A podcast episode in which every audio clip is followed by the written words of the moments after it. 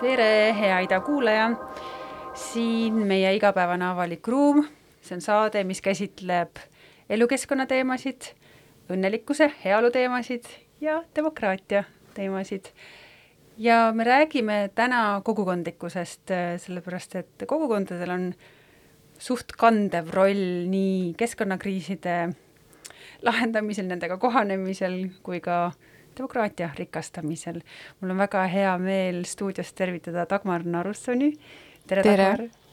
sa oled äh, Tartu Ülikooli Ühiskonnateaduste Instituudi kogukonnatöö lektor ja me sattusime koos äh, rääkima kogukondadest hiljuti Tartu Ülikooli sellisel avalikul vestlusõhtul, mis toimus muidugi ekraani vahendusel, aga täna me oleme siin füüsiliselt äh, raadiostuudios ja äh, mul on väga hea meel, et sa saad siis avada, mis need kogukonnad on, miks nad olulised on ja kuidas me Eestis äh, neid äh, soodustame, kuidagi kasvatame, neid võimestame.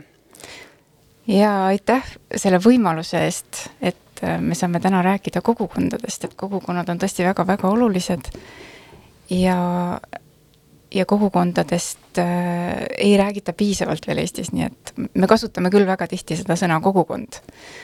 aga see väärib aega, et laiendada seda mõistet ja, ja, ja mõelda, mis kõik on kogukondadega seotud no need inimesed, kes ise on aktiivsed oma kas naabruskonnas või mingis huviringis või on ju äh, mingis tegevuses, nemad äh, kindlasti defineerivad ise, mis see kogukond nende jaoks on, aga kas sa saad äh, teadlasena pakkuda sellist äh, mm, ma ei tea, mingit universaalset määratlust, mis asi see kogukond siis on?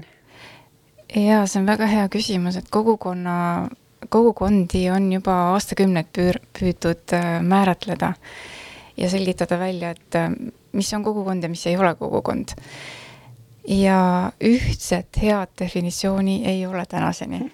ja see on täitsa arusaadav ka, et noh, et nii palju, kui on inimesi ja nii palju, kui on erinevaid koosluseid, on ka neid värve ja tähendusi ja kogemusi ja, ja ja mida kõike veel praktikat sealjuures.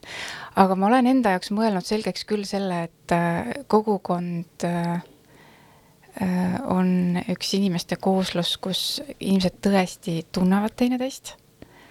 Nad on omavahel seotud ja nad pakuvad teineteisele abi igapäevastes asjades, et see on üks läbiv joon, aga me võime sellest pikemalt rääkida ka, et äh, mida see siis täpselt tähendab, et mis need igapäevased asjad on sa oled ise ka aktiivne erinevates kogukondades, võib-olla, võib-olla nende näidete kaudu saad ka seda mõistet nagu lahti harutada. Ja ma olen kogukondades aktiivne ja, ja panen tähele kogukondi. ja, ja kui meenutada, et kuidas see jada on olnud, et kuidas ma olen ähm, õppinud nagu tundma kogukondi ja kogenud kogukondi, siis ma saan enda jaoks nagu või, no, või nagu oma elu perspektiivis rääkida nii, et äh, äh, oli aeg äh,, kus ma puutusin kokku kogukondadega ja ma ei teadvustanud seda, et, et see, mida ma kogen, on kogukond ja ma mäletan tagantjärgi, mida ma kogesin. ja mida ma siin mõtlen, et ma mõtlen oma lapsepõlve peale ja, ja mõtlen eelkõige oma vanaisa peale, mul tuleb homme muideks trükist välja vanaisa kohta raamat, kus ma nagu avan seda natuke ka. ja ja see oli, see on üks väga määrav kogemus, sest äh, ma nüüd mõistan, kuidas minu vanavanemad olid väga kogukondlikud. Ja sealt edasi, noh, nooruspõlves siis äh, ma töötasin vabatahtlikuna Šotimaal kunagi ja töötasin sellises kogukonnas nagu Lage Community. ja see oli üdini nagu teistsugune elu, et kogukonna elu, ma olin äh, vabatahtlik, see tähendas seda, et ma toetasin äh, Äh, siis intellektipuudega ja psüühikahäirega inimesi.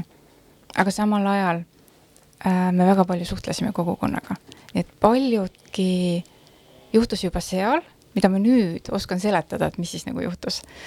aga teadlikult jah, see kogukondadega koostöö algas oktoobris kaks tuhat kaksteist ja peale seda on olnud siis järjest erinevad äh, projektid ja kui ma nagu ära markeerin, et äh, mis see minu kokkupuude siis on olnud, sest kogukondi on väga erinevalt, sa juba korra mainisid ka, et huvipõhised ja nii. aga siis see algas nii, et äh, et esimene suurem rahvusvaheline projekt oli siis Hollandi, Ungari, Eesti ja me tegelesime teemaga, kuidas arendada kogukonnapõhist abi või kogukonnapõhiseid teenuseid. ja see oli huvitav kogemus selles mõttes, et äh, me rändasime ise kogukondades ja sellel hetkel ma sain aru äh, ja õppisin ära nagu mõned väga olulised asjad, mis siiamaani, mida ma olen nüüd üle kandnud teistesse kogukondadesse ka. ja see üks asi, mida ma mõtlen, on see, et äh, nendes, äh, selles kogukonnas siis olles, kus tegelikult olid äh, teadlased, praktikud ja siis vaimse tervise raskustega ko, kogemustega inimesed, me tegelikult ei teadnud, kes on kes me istusime ühise laua taga, me käisime erinevates riikides, me käisime erinevaid kogukonna teenuseid vaatamas äh, ise ka panime, noh, nii-öelda panime käed külge, tegime üht-teist koos ja ma ei teadnud, kes on kes. me olime ühises õhtusöögilauas ja ma ei teadnud ka, kes on kes. ja see pani mind nagu mõtlema, et äh, see on tõeliselt väärtuslik kogemus. et ma ei oleks seda saanud Eestis, sest ma oleks tõenäoliselt aimanud, et kes on praktikud ja, ja kes on teadlased ja ja, ja kes on võib-olla teenusesaajad. aga tollel hetkel seal ma järsku sain aru, et aa, et tegelikult see on üks äh, huvitav kogukond, see oli üks õpikogukond, et tegelikult me õppisime üksteiselt, et kuidas siis arendada teenuseid. ja siis äh, edasi juhtus selline hästi huvitav lugu, et äh, ühel hetkel potsatas mu postkasti kiri Rootsist, ökokogukonnast. ja küsimus oli, et äh, me otsime Eestist ülikoolist kedagi, kes oleks valmis koostööd tegema ökokogukondadega ja samas oleks sotsiaalvaldkonnast. et see huvitav in-, innovatiivne mõte projekti algatajal oli, et, et tegelikult ökokogukonnad saavad väga palju aidata äh, sotsiaalsete teenust, sotsiaalteenuste arendamisel, üldse sotsiaalsete, sotsiaalseid raskusi kogevat, kogevate inimestega toimetades. ja selles projektis oli viis riiki, Eesti, Läti, Leedu, Rootsi eelkõige siis äh, Stockholmi äh, ümbruskonna ökokogukonnad ja Venemaa. ja me käisime kõikides nendes riikides ja seal mul oli nagu selline tõsine küsimus, et äh, mis asi see kogukond on ja need jutud igas riigis olid niivõrd erinevad. et ma mäletan ühel korral, et kui me olime äh, Peterburis ja, ja külastasime linnakogukondi ja siis sõitsime järgmisel päeval pika maa peaaegu Soome piiri äärde Karjalasse ja vaatasime ühte nagu ökokogukonda, mida siis nagu rajati keset ilusat valget kasemetsa. ja kuna ma sain vene keelest aru, et mul, siis ma kuulasin otse, kuigi tõlgiti ja tõlkes kasutati sõna kogukond, aga originaalis ei olnud sõna kogukond ja see lõi jällegi nagu korraks nagu pildi sassi, et äh, ma nägin, kuidas rootslased imestavad selle üle, mida teevad äh, vene rahvusest inimesed siis seal Karjalas või kuidas nad või millega tegeleb see linnakogukond. ja siis äh, kogu seda ka mõnes mõttes sellist kaost ja segadust seal Vene külas. nii et ma, ma nagu jälgisin äh, kaaslaste pilti ahmisin seda infot endasse ja ma mäletan, et ma tulin ühe suure segadusega tagasi ja ma ei saanud enam aru, mis on mis ja mis asi on kogukond siis nagu erinevate rahvuste jaoks ka. ja läks üks poolteist päeva aega ja siis ma kirjutasin kogu sellele grupile, et nüüd ma saan aru, kuidas erinevates riikides tajutakse kogukonda ja mida see kogukond nagu tähendab. rootslaste jaoks noh, ei olnud see üldse küsimus kogu see kommuuni elu ja kogukond, see oli nende jaoks nagu täitsa klaar ja need jutud ja elu kogukonnas, see oli kestnud juba nagu küm kümneid aastaid ju. Leedus ma nägin seda, kuidas rajati ökokogukond, et see tundus minu jaoks nagu, et okei okay,, poolel teel. ja siis see kaos Venemaal tundus mulle nagu, et hästi, et nad teevad esimesi samme. ja nad alles otsivad sõnu, neil ei olegi nagu nagu sõnavara ja, ja me olime poolenisti nagu põrandaalused ka, nii et me käisime Greenpeace'i ühes Peterburi kontoris, kuhu meid viidi niimoodi kangi alt ja salaja. ja need kogukonna mm, algatused, mida me külastasime, need olid ka pigem nagu põranda all ja need rajajad rääkisid sellest äh, meile, kuivõrd äh, keeruline neil selle režiimi ajal üldse on ellu jääda. Et see oli ka veel nagu selline hästi huvitav taust. ja samas seal ma noh, tõesti, ma õppisin palju ja sain aru, kuidas ongi nii, et on väga palju kokkupuutepunkte ja need kõige lihtsamad kokkupuutepunktid, et äh, looduse ja keskkonna eest hoidjad, sotsiaalvaldkonna inimesed, meil oli ka üks äh, Rootsi psühhoterapeut, kes äh, noh, tutvustas oma praktikat, et on äh, rajanud siis ökokogukonna ja, ja psühhoterapeudina, et noh, tal on küll näpud mullas ka, aga see peamine eesmärk on ikkagi toetada inimesi, ta ise nimetas, et nii-öelda läbipõlenud äh, pintsaklipslased, kes, kes nagu linnakeskkonnas noh, enam ei leia nagu, nagu juba seda suitsu tuleb nagu päris palju, nad ei taha traditsioonilisi teenuseid kasutada, et siis ta võtab nad nii-öelda sinna oma kogukonda ja mm, teistmoodi elades ja siis koos toimetades seal ja tehes joogapraktikat ja toites kanu ja igasuguseid muid asju tehes, nad tasapisi saavad tasakaalu tagasi ja, ja nagu väärtused lähevad paika. ühesõnaga, sealt ma sain nagu selle vaate, et äh, paljudel osapooltel on kokkupuutepunkte mm. -hmm. väga pikk ja põhjalik teekond äh, ja väga erinevad on ju kokkupuuted erinevate kogukondadega Äh, aga milliseid kogukondi veel on, tegelikult sa ei maininud ära, et mis seal vanavanemad siis tegid, kas see oli mingi ühistuline mm. käitumine või? ei olnud ja just, et ja, ja see on huvitav, et selle vanaisa loo või vanaisa tähenduse ma avastasin enda jaoks siis, kui ma õppisin Londonis avatud dialoogi. ja järsku niimoodi ajaliselt distantsilt vaadates seda lapsepõlve elu ja, ja siis ka nagu ruumiliselt distantsilt, et vaadates Londonis nagu oma elu kunagi Eestis, ma sain järsku aru, et äh, et see, mis oli nagu väga loomulik minu jaoks tollel hetkel, et selle sees on palju vä nagu väärtust. ja kuidas nad toimetasid äh,, nad ei, nad kumbki, vanaema ja vanaisa, ei olnud nagu aktivistid ja, ja nad olid nagu selles mõttes huvitavad, et nad ei olnud ei süsteemi poolt ega vastu, aga neil olid väga selged oma väärtused ja nad hoidsid peret. ja selle raamatu kirjutamise käigus ühel hetkel, kui ma kogusin ka sugulastelt lugusid, siis mu ema ütles mulle, et kas sa ei mäleta, kui palju äh, külainimesi oli vanaisa matustel ja paljud ütlesid, et vanaisa oli nende jaoks rohkem isa kui nende oma isad. ja siis ma sain aru, et ta oli selline äh, vaikne maasool, kes äh,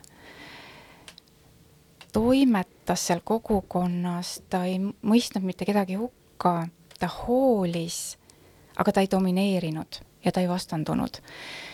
ja see on kuidagi midagi, mis noh, minu meelest on kogukondades vaja või noh, vähemalt siis oli vaja, ma ei tea, kuidas, noh, ilmselt nüüd on mingeid uusi versioone.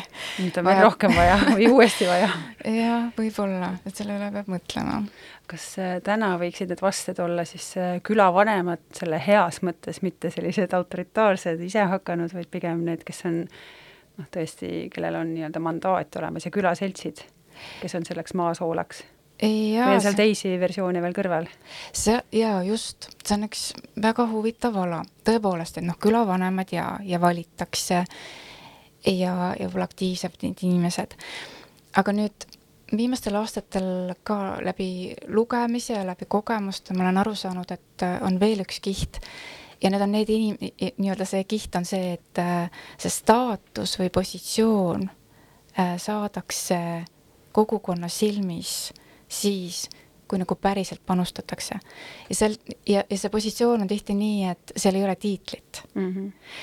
aga seal on mingisugune mm, austus äh,, usaldus ja seda inimest nähakse nagu mingis küsimuses äh,, no kuidas ma ütlen noh, nagu vanemana või nagu hõimupealik või, või keegi, kes on usaldusväärne ja, ja ja, ja on järjepidevuse kandja, vot see on küll oluline, et kui me mõtleme geograafiliste või traditsiooniliste kogukondade peale, siis seal ikkagi tõusevad inimesele, esile teatud inimesed, äh, kes äh, on nagu selle kogukonna näod või nagu annavad tooni sellele kogukonnale või nende järgi ka teatakse kogukonda mõnikord väljaspool mm. -hmm no mis võib ka probleem olla, kui üks inimene võib-olla liiga kümme-viisteist aastat on ju ainukesena teeb midagi ära ja seda usalduskrediiti kogub, et noh, see peaks ka on ju järjepidevuse ja jätkuvusele mõtlema, aga, aga need geograafilised jah, et külakogukonnad, külaseltsid on ju külavanema ümber või selliste maasoolade ümber kogunevad, siis on ju linnaseltsid, asumisseltsid, millega ma ise olen ähm,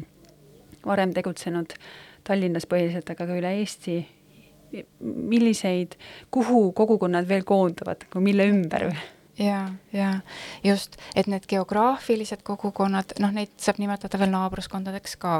et alati äh, need geograafilised kogukonnad ei ole klassikaliselt nagu kogukonna mõistes kogukonnad, selles mõttes, et äh, ka linnaosad näiteks või, või mõned külad või mõned uusasumid. et inimesed ei tunne üksteist, nad ei lävi ja nad ei toe, nagu ei, ei abista või ei tule appi, nad võib-olla nagu märkavad, aga seda koostoimetamist ei ole. et neid saab nimetada magavateks kogukondadeks, et seal on nagu see kogukonna potentsiaal olemas, sest inimesed olemas ja paik on olemas, aga koostoimetamist ei ole. ja, aga need kogukonnad jah, kus siis toimetamine on, et seal veel ka tänapäeval öeldakse, et on nagu kaks kihti et, et võib olla nende naabruskondadega ka nii, et äh, ma elan küll ühes kohas ja ma võib-olla midagi ka teen selle piirkonna inimestega koos. ja samas on miski, mis mind köidab hoopis nagu näiteks teises linnaosas tegutseva kogukonnaga. ja, või noh, meil on midagi ühist. nii et võib olla nagu kaks kihti, et mu oma ja siis üks teine geograafiline kogukond mis teeb midagi, mis mulle meeldib ja ma tahan ka teha. ma arvan, et kui inimesed kuulavad, siis nad tunnevad ära, et, et need seosed on. eks see on nii-öelda lubatud, jah? see on absoluutselt lubatud. just, just, ega kogukondade puhul ei olegi nagu midagi sellist, et mida ei ole nagu lubatud, et see on pigem nagu see, et et kogu selles põnevas maailmas ja muutub, kiiresti muutuvas maailmas, et kogukonnad järjest nagu vormuvad ja siis püütakse neid kuidagi määratleda, et mis see siis nüüd on mm. -hmm jaa, aga just, et peale geograafiliste on siis huvipõhised kogukonnad ja see on kuidagi tänase päeva või tänase eluga kaasas käiv ka tavapärane nähtus. ja kes siia alla kuuluvad äh,, spordi igasugused äh, ühingud, seltsid, grupid, kes tegutsevad koos, noh, jalgpalliklubid äh,, trennikaaslased, aga need ei ole nagu automaatselt kogukonnad, nad on kogukonnad sel juhul, kui see hulk rahvast noh, teeb oma selle põhiasja ära, näiteks tantsib, tantsib ära ja, ja siis valmistab mingeid kavasid ette näiteks või valmistub jalgpalliturniiriks või midagi muud. ja samas sealjuures on teineteise abistamine igapäevastes asjades. nii et sa laenad kellelegi, keegi õmbleb midagi kellelegi, keegi annab äh, mingisuguse tarkused ära või keegi vahendab mingisuguseid kontakte, et selle pinnalt võib kergesti tekkida see teineteise toetamine ja see igapäevane abistamine ja see on seal nagu ihaldusväärne. kui see on lihtsalt nii, et ma lähen, käin trennis ära, peale trenni vahetan riided ära, lähen minema, kellegiga ei suhtle, noh, see ei ole kogukond mm.. aga kui sinna juurde tekib veel see oma kogukonna kultuur, koostoimetamine, mõeldakse, et noh, lähme teeme midagi pärast ka koos. või, või siis näiteks veel, et inimesed mõtlevad, olgu, aga teeme midagi selle paikkonna heaks veel ka. et siis on juba kogukond ja, ja need on väga toredad suhted, et sealt me saame väga palju. ma nüüd mainisin küll ära spordi, aga noh, siia käib hästi palju erinevaid äh, kultuuriga seotud versioone. käsitöö ja igasugused. tantsimine, laulmine. tehnoloogiaringid mm,. No just, aga ka mängud näiteks ja ka internetimängu igasugused kogukonnad käivad sinna alla. ühesõnaga on mingisugune kirg, mingi huvi, mis inimesi öö, äh, ühendab. nii, siis edasi võib-olla uuem Eestis mitte nii tuntud on ankurkogukonnad. ja, ja ankurkogukonnad tekivad siis ankrute ümber, kes need ankrud on või mis need ankrud on? ankrud on sellised organisatsioonid kogukonnas või üldse nagu ühiskonnas või linnades, maakohtades, ähm, mis on püsivad ja nad äh, on näoga inimeste poole. ja nad äh, lisaks oma põhitegevusele soovivad midagi arendada ja siia alla käivad näiteks raamatukogud, muuseumid, koolid noh, näiteks noh, Tartu puhul ülikool, vaieldamatult ma toon ikka jälle seda näidet, noh, et võta Tartust ülikool ära, noh, et mis siis järgi jääb.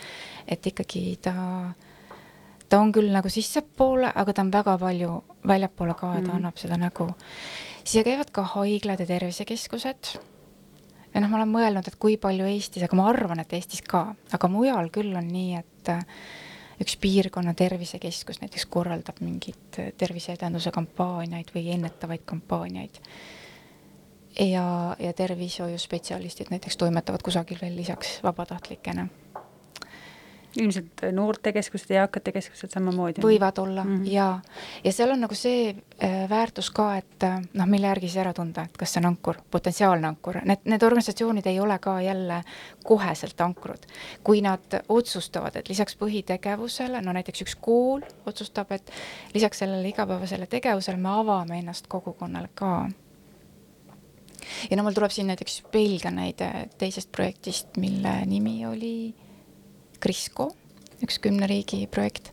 Belgiast näide, kus üks kogukonna töötaja või kogukonna nii-öelda hõlbustaja nimetusega spetsialist, et tema käis siis kogukonnas, naabruskonnas ringi ja vaatas, et kes on uuemad inimesed ja kes tahaksid äh, midagi teha kogukonna heaks näiteks sisserände taustaga inimesed, siis ta küsis, et noh, mida te tahaksite teha.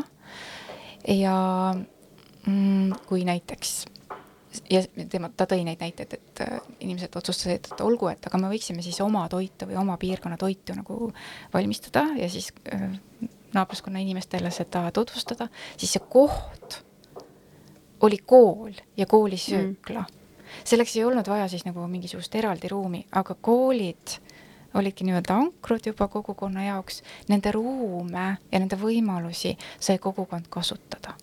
Loomulikult oli see hästi struktureeritud ja korrastatud ja turvaline, aga nendel on ju infrastruktuur olemas.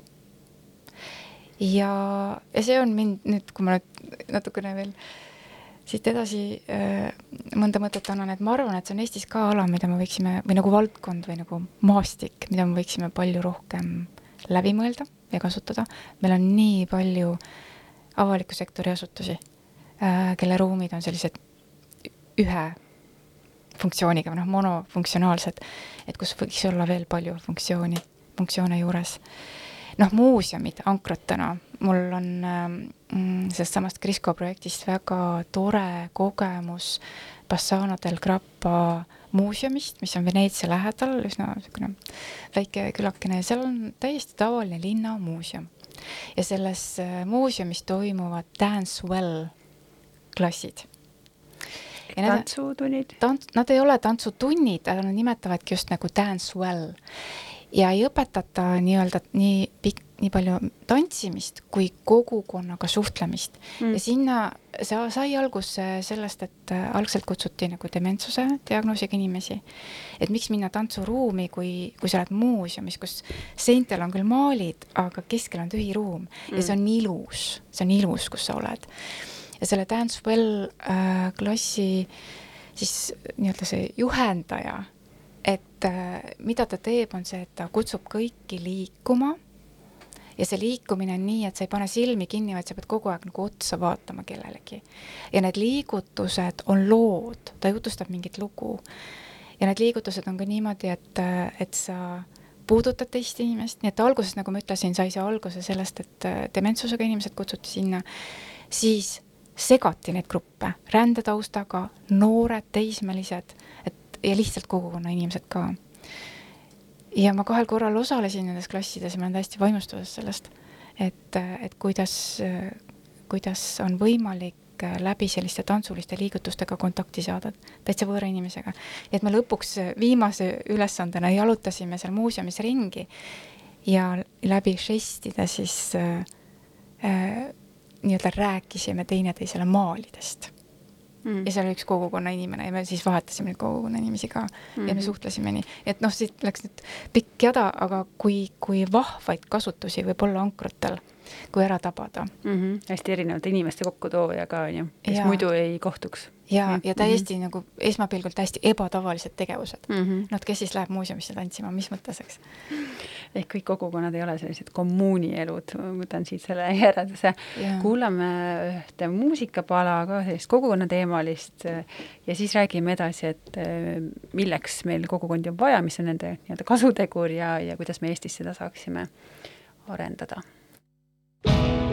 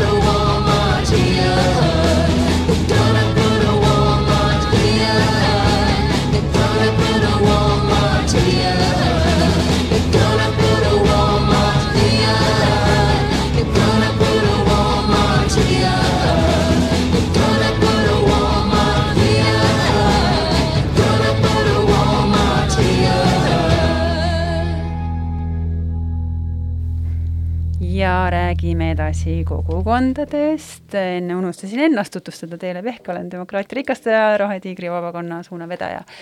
Dagmar Narussoniga Tartu Ülikoolist siis, et äh, jätkame sellega, et äh, no ka tore, et on sellised erinevad ökokogukonnad ja äh, vaimse tervise ümber koondunud kogukonnad, erinevad viisid, kuidas üldse erinevaid inimesi kokku tuua, teisi aidata aga mis siis et eh, miks see on eh, noh, ütleme riigile oluline või ühiskonnale oluline ja miks see on ühele inimesele oluline? saad sa välja tuua midagi? ja, ja just, no kõik, kõik need tasandid, mis sa nimetasid, kõik on hästi olulised, kõigile on tegelikult vaja kogukonda. ja, ja kui mõelda, miks on ühele üksikinimesele vaja kogukonda, siis äh, see peamine põhjus on see, et äh, me inimestena inimolenditena vajame suhete struktuuridesse kuulumist. ja noh, ja pere ja töökollektiivid ja sõpruskonnad, jah, need on väga toredad ja neid me vajame, aga lisaks on vaja siis sellist äh, kogukondlikku kuulumise tunnet, kus on väga palju erinevaid inimesi ja kus äh, suhted on selles mõttes teist laadi, et, et iga inimene saab valida selle läheduse määra ise et äh, paljudes teistes kooslustes me seda valida ei saa, me lihtsalt nagu peres peamegi olema väga lähedal, aga kogukonnas on piisavalt vabadust, et ma võin olla mingil ajal nagu see aktiivsem ja rohkem toimetada. Ja siis jälle nagu tõmb-, tõmbuda tagasi, et ühelt poolt on see ikkagi eksistentsiks vajalik nagu ja oma identiteedi jaoks vajalik, aga teiselt poolt veel miks ta on eksistentsiks vajalik, et äh, me saame väga palju praktilist abi kogukonnas. ja see, see üks pool on see, et jah, me oleme tugevamad, kui me koos toimetame, me saame palju rohkem tehtud koos. ja, ja see on väärtus ja kogukonnas inimestel kokku on väga palju erinevaid teadmisi, kogemusi, materiaalseid ressursse ja neid omavahel jagades me saame teineteist toetada igapäeva toimetuste taustal siis ja, ja niisugusel rahulikul ajal. aga mis on riigi vaatest ja tegelikult iga üksiku inimese seisukohalt nagu veelgi, veelgi olulisem, kogukond tule, kogukonna väärtus tuleb esile kriisides. et kui on mingisugune ressursikatkestus, no ma ei tea, vesi, elekter, mis veel, eks, et siis on nii, et äh, kõige läheb, lähem abi tuleb kogukonnalt ja kui headel aegadel on suhted loodud ja kogukond on mõelnud, et mis meil tegelikult olemas on, mis masin kellelgi kodus on või mida keegi oskab või, või mida me koos suudame ära teha. kui see teadmine on olemas, siis nendes väga keerulistes olukordades see kõik tuleb kokku, see ressurss pannakse kokku ja hakatakse toimetama ja, ja, ja tullakse appi. aga kui ei ole kogukonnad äh, loonud headel aegadel suhteid ja tegelikult ei teata, mis kellelgi seal garaažis või keldris on või, või mis suhted või, või mis kontaktid või, või mis oskused või teadmised kellelgi on, siis need ei hakka nagu tööle, need ei pruugi hakata tööle. et selles mõttes on kogukondi vaja ehitada headel aegadel, et me keerulistel aegadel teineteise toel tuleksime toime. et seal on küll jah, et riik ja, ja kohalik omavalitsus tulevad ju appi, aga nüüd äh, riik ja omavalitsus ei pruugi tulla kolme tunni jooksul appi, eks. Et seal on, seal on teatud kaugesse. aeg jaa mm, -hmm. aga Mhm. see aeg tuleb kuidagi, see väga keeruline, kiire aeg tuleb kuidagi üle elada. ja siis on kogukondi vaja ja siis on kogukondi vaja tõesti. päästevaldkond ongi ju vabatahtlikkusele ja tegelikult väga palju kogukondlikkusele üle läinud kogu Eestis. Et see on noh, üks valdkond, mis rajab teed ilmselt paljudele teistele, sellepärast et avalikud ressursid on ju vähenevad ja, ja võib-olla on ta ka nagu taotluslikult, et nügida inimesi rohkem suhtlema, on ju naabreid omavahel ja täpselt vaatama, et kes, kes seal selle tuletõrjeautoga või siis äh, kiirabiautoga kohale sõidab ja kui kiiresti on ju vajalikku kohta. Just, just. ja noh, on veel nagu palju, palju muid äh, valdkondi ka, et noh, ka sotsiaalteenused, sotsiaalteenustega on sama lugu, et, et noh, miks Euroopa on hakanud arendama kogu, kogukonnapõhiseid sotsiaalteenuseid, on see, et, et mitte kunagi ei jätku riigil nii palju raha. et kõik, kõik inimesed kõikides asjades saaksid professionaalset teenust ja see ei ole ka eesmärk, et siis me kõik distantseerume justkui sellest igapäevasest abistamisest ja toetamisest. ja noh, mina küll sellist ühiskonda ei taha, kus kõik, kõik lihtsalt ootavad, et keegi tuleb ja võib-olla ta aitab ja noh, see ei puutu minusse, mida ta teeb. et äh, päris palju vastastikust tuge ja abi äh, saab äh, ära osutada noh, kas siis naabruskonnas, naabrite omavahel või, või siis külas, linnaosas. Ja seda tehakse ka, et noh, mul tuleb praegu meelde Hollandi näide, kus äh, kogukonnatöötajad äh, käivad kõik kogukonna äh, siis elanikud läbi ja küsivad kahte asja, et millest sa vajad, vajad abi või noh, mis on need väiksed asjad, kus sa tõesti tunned, et aeg-ajalt oleks abi vaja, et noh, et keegi käiks poes või keegi käiks, tooks, ma ei tea, rohtusid või mm, -hmm. või, või annaks ühes teises asjas nõu ja millest sa nõu, millest sa abi anda saad, on see teine asi. ja siis noh, ja sealt võib ka tulla, et okei okay,, et noh, ma väga palju ei saa, aga noh, võib-olla ma saan, ma ei tea, nädalas korra või, või veelgi harvem näiteks kellegi last hoida või, või noh, et lähen poodi, olgu, et ma võin mõnel naabril siis vahel, vahel tuua ka toidu ära. et see tähendab seda, et ei panda väga suurt koormust inimestele, aga väga palju sellist põgusat ja ennetavat abi osutatakse siis sellisel viisil ära, et viiakse need inimesed kokku, kes tegelikult vajavad. aga meil on ka ju Helpifix sellel, sellel suunal juba tegutsemas, et et me ei ole ilma oma näiteta, meil on oma näide olemas mm. -hmm. ja kes vahendab siis vabatahtlike mm, abivajajatele, olgu nad siis füüsiliste puuetega või, või lihtsalt mingi, mingi muu omapäraga. ja sa mainisid saate alguses, et kogukondlikkusest me räägime aina rohkem, aga tegelikult võiksime palju enam ja, ja ka süsteemselt soodustada kogukondlikkust Eestis, igal pool mujal ka, on ju. kas sellepärast ähm, nüüd alustaski Tart-, Tartu Ülikoolis Ühiskonnateaduste Instituudis äh, kogukondade arendamise ja sotsiaalse heaolu magistrikava või, või mis selle ajendiks oli, et nüüd see tekkis, noh, oleks võinud juba ka ammu, on ju, aga, aga väga hea, et lõpuks tekkis. jaa, just just, see on hea küsimus, et kas see on nüüd see õige aeg või oleks võinud veel varem. ma mõnes mõttes arvan, et see oli just nagu praegu õige aeg. Ja sellele eelnes äh, ikkagi ettevalmistus. Ja, ja mõned äh, ja, ja siis tõukejõuks olid mõned haridusmaastikul toimuvad muutused. Ja me, me otsisime seda praeguse aja kõige-kõiget ja saime aru, et see tõepoolest on nagu kogukonnad, kogukondade arendamine. Ja, ja nüüd me näeme selle huvi järgi ja eh, nagu inimeste huvi järgi, tudengite huvi järgi, aga ka äh, selle taustal, mis ümberringi toimub, et tõesti, meil ongi kogukonna arendajaid vaja. ja kogukonna arendajad saavad olla need, kes toovad seda diskussiooni, et noh, et mida siis kogukondades on vaja teha või, või kuidas kogukondadega edasi minna või kuidas kogukondi arendada ja, ja nemad on ka need, me koolitame neid mitte nii-öelda kogukonna juhtideks või eestvedajateks, et nad lähevad, tõstavad lipu kõrgele, palun tulge minu järgi, ma teen nüüd ühe ideaalse kogukonna, aga pigem nad on eksperdid. ja omavad neid kompetentse, et üks kogukond tunneb, et, et me oleme keerulises olukorras või me tahaksime edasi areneda, aga me ei tea, kuidas siis meie õpetajad saavad need teadmised, et kuidas äh, kogukonda arendada süsteemselt, sihipäraselt, nii et midagi üle ei võta, aga äh, siis arendaja saab anda need tööriistad ja kogukond saab otsustada, et millisel hetkel ta kutsub siis äh, arendajat toimetama, et, et kogukonna arendus on siis niisugune etapiline tegevus kus kõigepealt siis ongi vaja tundma õppida, et noh, mis on see vajadus ja mis on see eesmärk, kuhu soovitakse minna, mis on need äh, olemasolevad tugevused, ressursid, kogu see pagas, mille pealt edasi minna.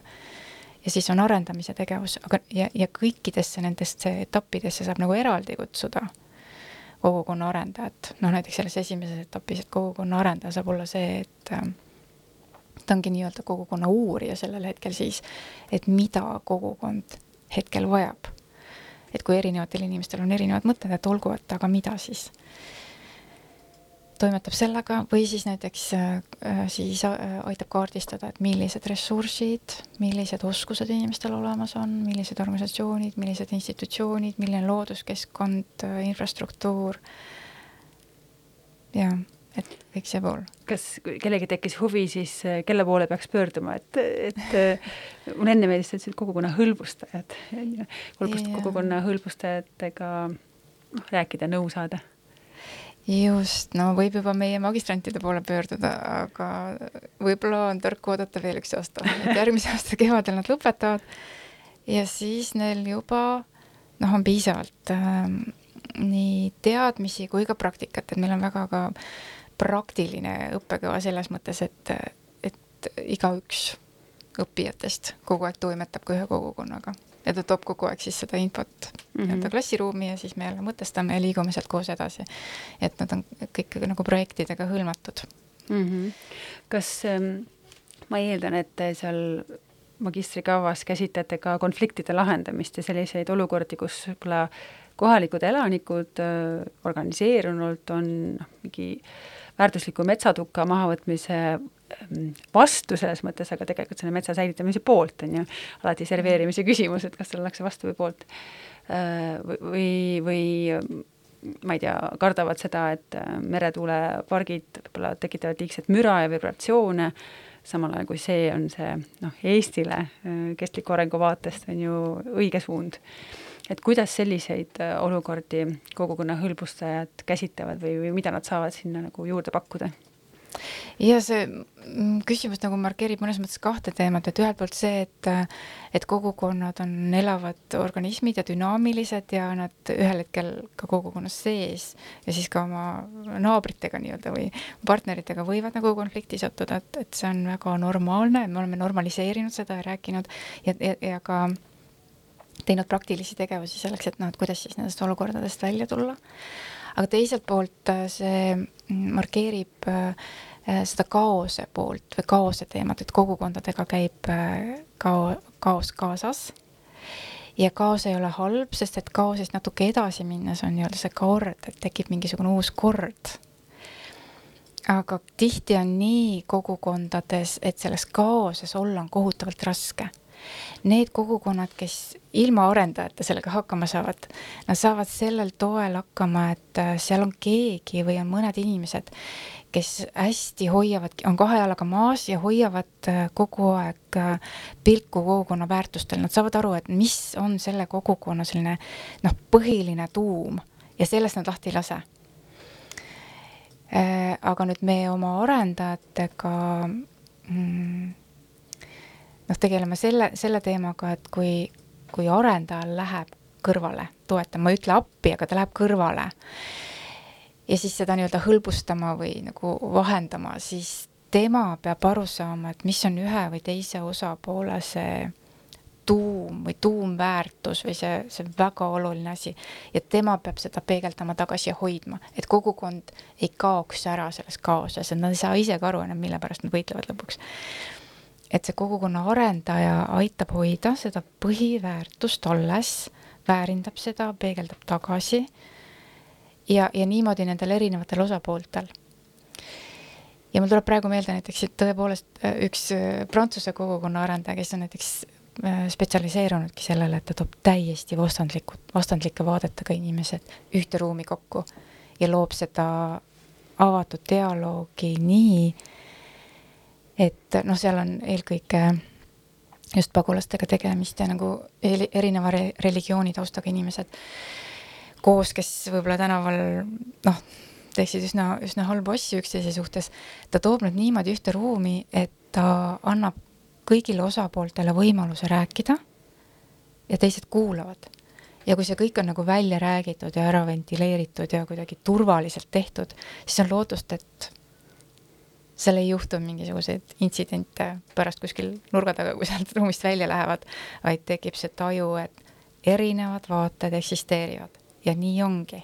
et see selline äratundmine, ta ei lepita neid, ta ei muuda kellegi vaateid, aga ta loob selle ruumi, kus on võimalik rahumeelselt ära kuulata ja minu arust see on nagu oluline dokumentaalfilm Südamering käsitleb mm., on ju, väikese jalajälje ökokogukonda seal Märjamaal, kus tegelikult ju ei saadud sellest etapist üle, kuigi seal olid ka need ja kahe jalaga maas eh, vahendajad, ruumiloojad, et ta no ei saa öelda lagunes, aga seltskond noh, uuenes ja, ja on ju, läksid, läksid ka mujale mõned. et, et kas seal tehti midagi valesti või, või peaks olema kannatlikkust, et kas see tuleb kõik nagu ajaga ka, sellised oskused, on ju, et noh, me oleme tegelikult demokraatliku riigina ka väga noor ju ja sellist noh, kogukondlikkust on meil esimese vabariigi ajal olnud, aga me alles õpime vist seda, eks? jah, tuleb õppida.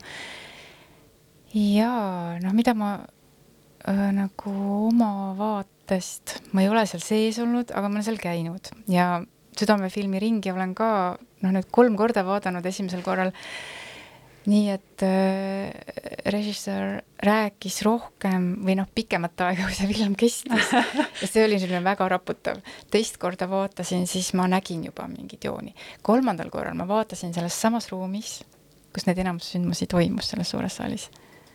ja siis mõned asjad nagu hakkasid loksuma paika ja emotsioonid olid nagu ära kadunud mm,. ehk siis ma julgustan inimesi mitu korda vaatama või vaatama neid kihte ja aru saama, et tegelikult see on film, see on kunst ja see ei ole kogu see elu.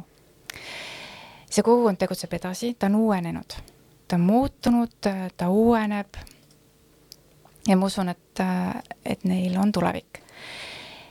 jaa, aga nüüd selle kogukonna puhul või selle filmi puhul, kui vaatajad näevad seda, siis et tõepoolest tuleb see keerukus välja, et, et ongi nii, et ühel hetkel võib kogukond sattuda kaosesse. aga siin oli veel nagu mitu, mitu lugu ju taustal ka. et, et ühelt poolt on see, et kogukondlikud suhted niikuinii vajavad äh, settimist ja, ja vajavad paikapanemist ja, ja kui inimesed kokku tulevad koos elama, nad ei tea tegelikult üksteist, nad ei tea ja nad ei tunne iseennast ka, sest nad ei ole kunagi sellises olukorras olnud. et, et ühesõnaga sellised grupina koos elamine on niikuinii keeruline ja need kogukonnad lähevad konflikti. ja ma olen põhjalikumalt lugenud ühe Kanada kogukonna kohta, kes selle protsessi läbi tegi ja, ja toimetab täna ja nad äh, siis töötasid välja väga põhjaliku sellise struktuuri, mida nad siis teevad ja millised reegleid täpselt siis on. aga nüüd selle mm, Eesti kogukonna puhul oli ju veel teine kiht ka juures, et isiklikud suhted. et kui need isiklikud suhted äh, tulevad ju ka juurde, siis noh, seda keerulisem on mm. -hmm. ja samas oli seal kõik, kõik väga inimlik, ega selles ei olnud mitte midagi sellist, mida me nagu ku- kusagil varem näinud ei ole või kuulnud ei ole, et see on lihtsalt inimesed. ja ma arvan, et, et vaataja tunneb ju ennast sealt ka ära, kui ta tahab tunda. ökokogukonnad on hea näide sellest, et neid on Eestis veel, mitte liiga massiliselt, aga omajagu.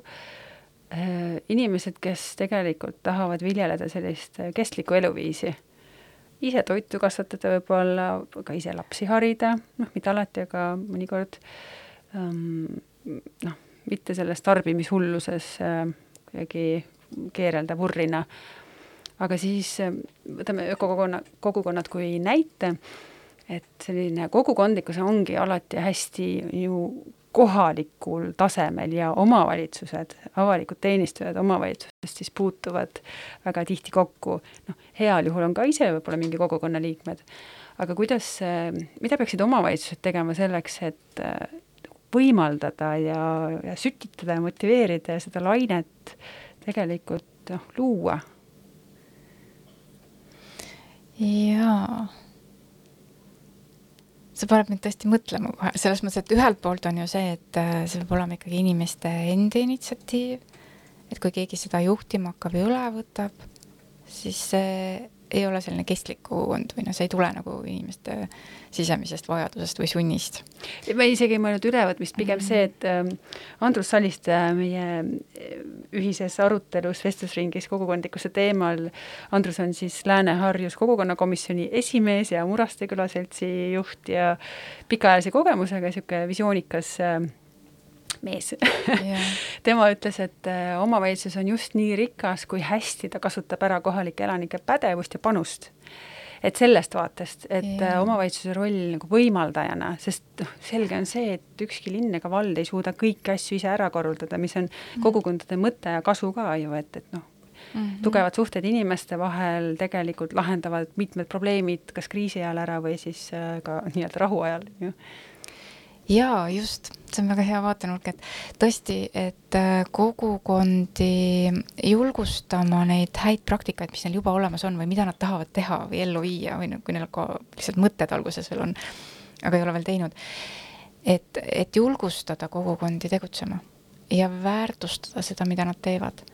ja, ja tasub kuulata inimesi ja ma arvan, et peamine on see, et kogu, omavalitsus ei peaks mõtlema, et nad kuidagi konkureerivad kogukondadega või et nad peaksid kuidagi vaos hoidma kogukondi, vaid pigem äh, võtta partneritena, sest lõpuks ju tegelikult omavalitsus teenindab selle piirkonna inimesi. Nad põhimõtteliselt peaksid ka, lisaks sellele, et nad teenindavad inimesi, nad peaksid ka teenindama kogukondi ja julgema kuulata kogukondi ja isegi kui need, ja ma olen nagu tajunud ka, et vahel see võib olla nii, et et omavalitsus või mõni- organisatsioon ka tajub, et kogukond tuleb ja siis nagu nõuab midagi või tahab midagi või survestab või või mõjub ründavalt, siis peab teadma, et et tasub ikkagi ära kuulata, sest võib-olla kogukond on ka see, et kogukonna jaoks ei ole ka lihtne minna rääkima ja vahel kogutakse seda jõudu ja nii palju, neid argumente nii palju, et see võib mõjuda ründavalt ja tegelikult seal ei ole mingisugust ründamist taga. et tegelikult kogukond lihtsalt on võtnud ennast nüüd ühel hetkel kokku ja ütleb, et ja me mõtleme, et me teeme niimoodi. ja siis omavalitsus peaks võtma seda kui võimalust koostööks, kuulama ära avama need teemad, rääkima nendest pikemalt ja siis otsustama koos. no loodame, et kogukonna hõlbustajad äh, Tartu Ülikoolist siis äh, liiguvad ka omavalitsustesse tööle ja tegelikult äh, siin on ju väikeseid infokilde, et maakondlikud arenduskeskused hakkavad ka selliseid kogukonna arendajaid või kogukonna koordinaatoreid ähm, siis välja õpetama vist, on ju, ei ole nii täpset infot veel, ja Kodanikuühiskonna Sihtkapital avab ka siis kogukondade arendamise vooru, sellise uue rahastusmeetmed, et noh, mingeid ilminguid on ju, mingeid elemente juba tekib, et äh, noh, lõpuks ometi. Jaa, minu meelest see on väga, väga tore selle, selles mõttes, et et töö kogukondadega läheb sisulisemaks ja me, me liigume rohkem sellisesse nüüdisaegsesse vaatesse, et me ei taha ju minna tagasi sinna külaühiskonda, sest noh, me ei saagi, esiteks mm, -hmm. aga me ei peaks ka seda enam igatsema taga. et meil on ikkagi täiesti uued versioonid kogukondadest ja me peame selgeks saama, mis need on.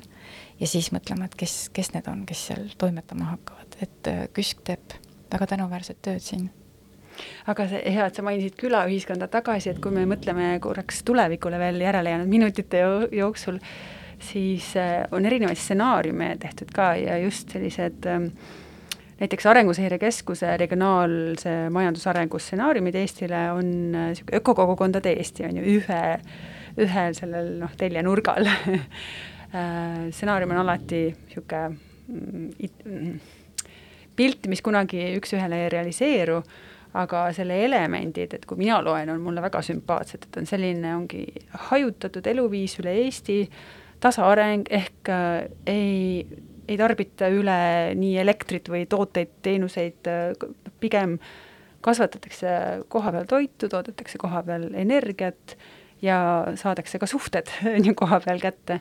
et selline hästi lokaalne elustiil ja selle tõttu siis on kogu Eesti äh, selline ökoloogiline jalajälg noh, päris hea, väike, madal.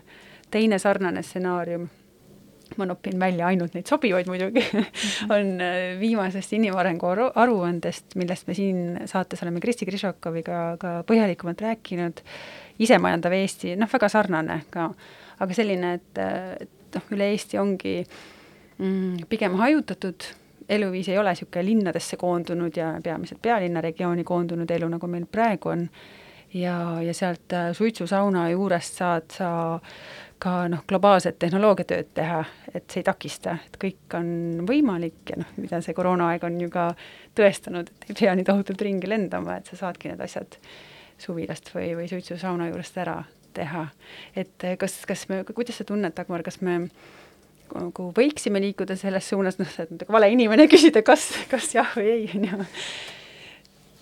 jaa, just, et ma ise ka harjutan seda nii-öelda, et ma selles kogukonnas, kus ma olen, et, et ma olen loonud suhted ja ja ostan leiba ja, ja nii-öelda naabrilt ja, ja lasen riide tõmmelda naabril ja ja, ja siis see raamat, mis välja tuleb, see, selle kaanepildi on äh, meie küla kunstnik, ta ei ole nagu külakunstnik, ta on ikkagi nagu väga-väga hea kunstnik, aga ta lihtsalt juhuslikult elab meie külast. et ma, ma mm, arvan, et see on äh, väga oluline, et me teeksime seda, et me märkaksime neid inimesi, kes meie ümber on, kes juba midagi teevad ja toodavad. ja, ja see ja mida ma isiklikult tunnen, et mis see juurde annab, et, äh, et esiteks me väärindame seda, mida teised teevad see on lähemal, jalajälg on kahtlemata väiksem, niikuinii on väiksem siis. aga teiselt poolt see tegelikult annab inimesena väga palju mulle. ma, need, need suhted, mis sealt kaasa tulevad, need jutud, need tähendused, need lood ja see koosolemine, vot see on väärtus. ja, ja ma arvan, et sellest peaks veel rohkem rääkima, et seal tuleb nagu mitu kihti veel juurde, see ei ole lihtsalt see toode või asi. seal on palju rohkem palju rohkem. ja selle pinnalt võib areneda palju rohkem. et ma arvan, need väga head innovatiivsed lahendused tulevad ka niimoodi just nimelt, et inimesed tunnevad üksteist, panevad kõik oma oskused kokku ja siis sealt tuleb ja teeme ära no just, et energeetika tootmise teemal räägitakse energiaühistutest juba ja ma just kuulsin, et Tartus äh, hakataksegi seda katsetama, noh küll linnavalitsuse initsiatiivil, aga, aga nagu mis siis või, või vahet pole tegelikult, kes initsieerib.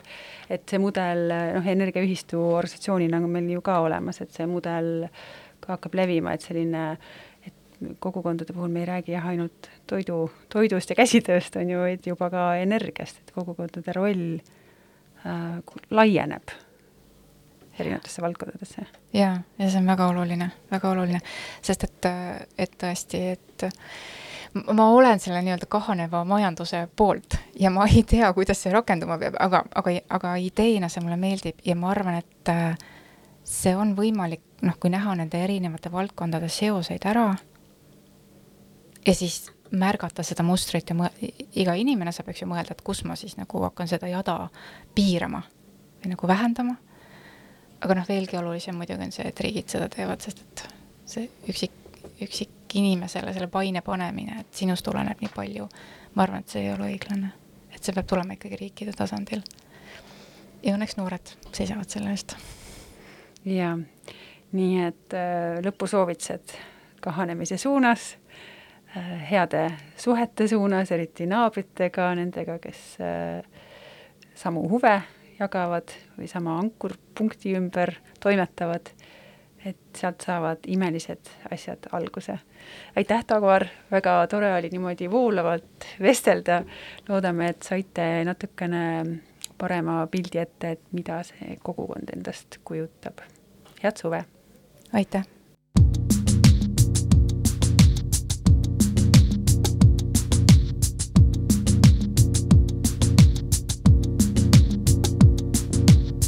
Any given moment in the middle of a city, there's a million epiphanies occurring. In the blurring of the world beyond the curtain and the world within the person, there's a quiver quivering. The litter in that alleyway is singing.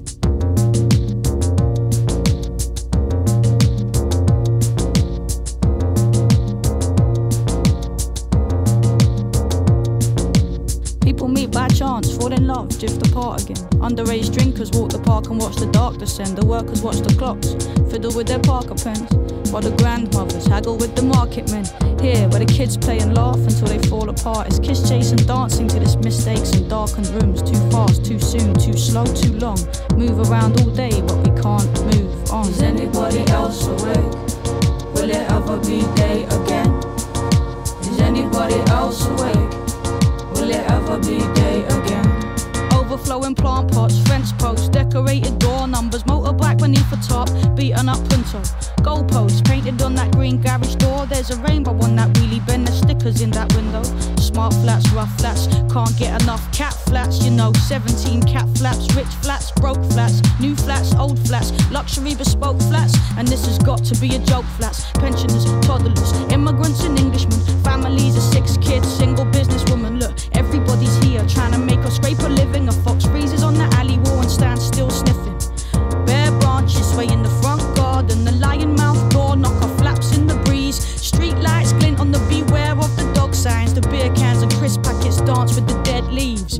4:18 a.m. At this very moment, on this very street, seven different people in seven different flats are wide awake. They can't sleep.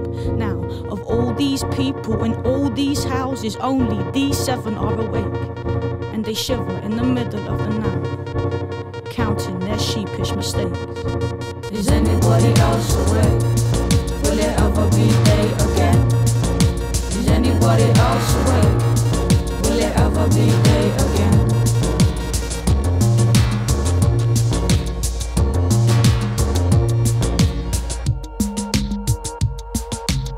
start on the corner with our backs against the wall, next to the old phone box where the tramp leaves his bedding.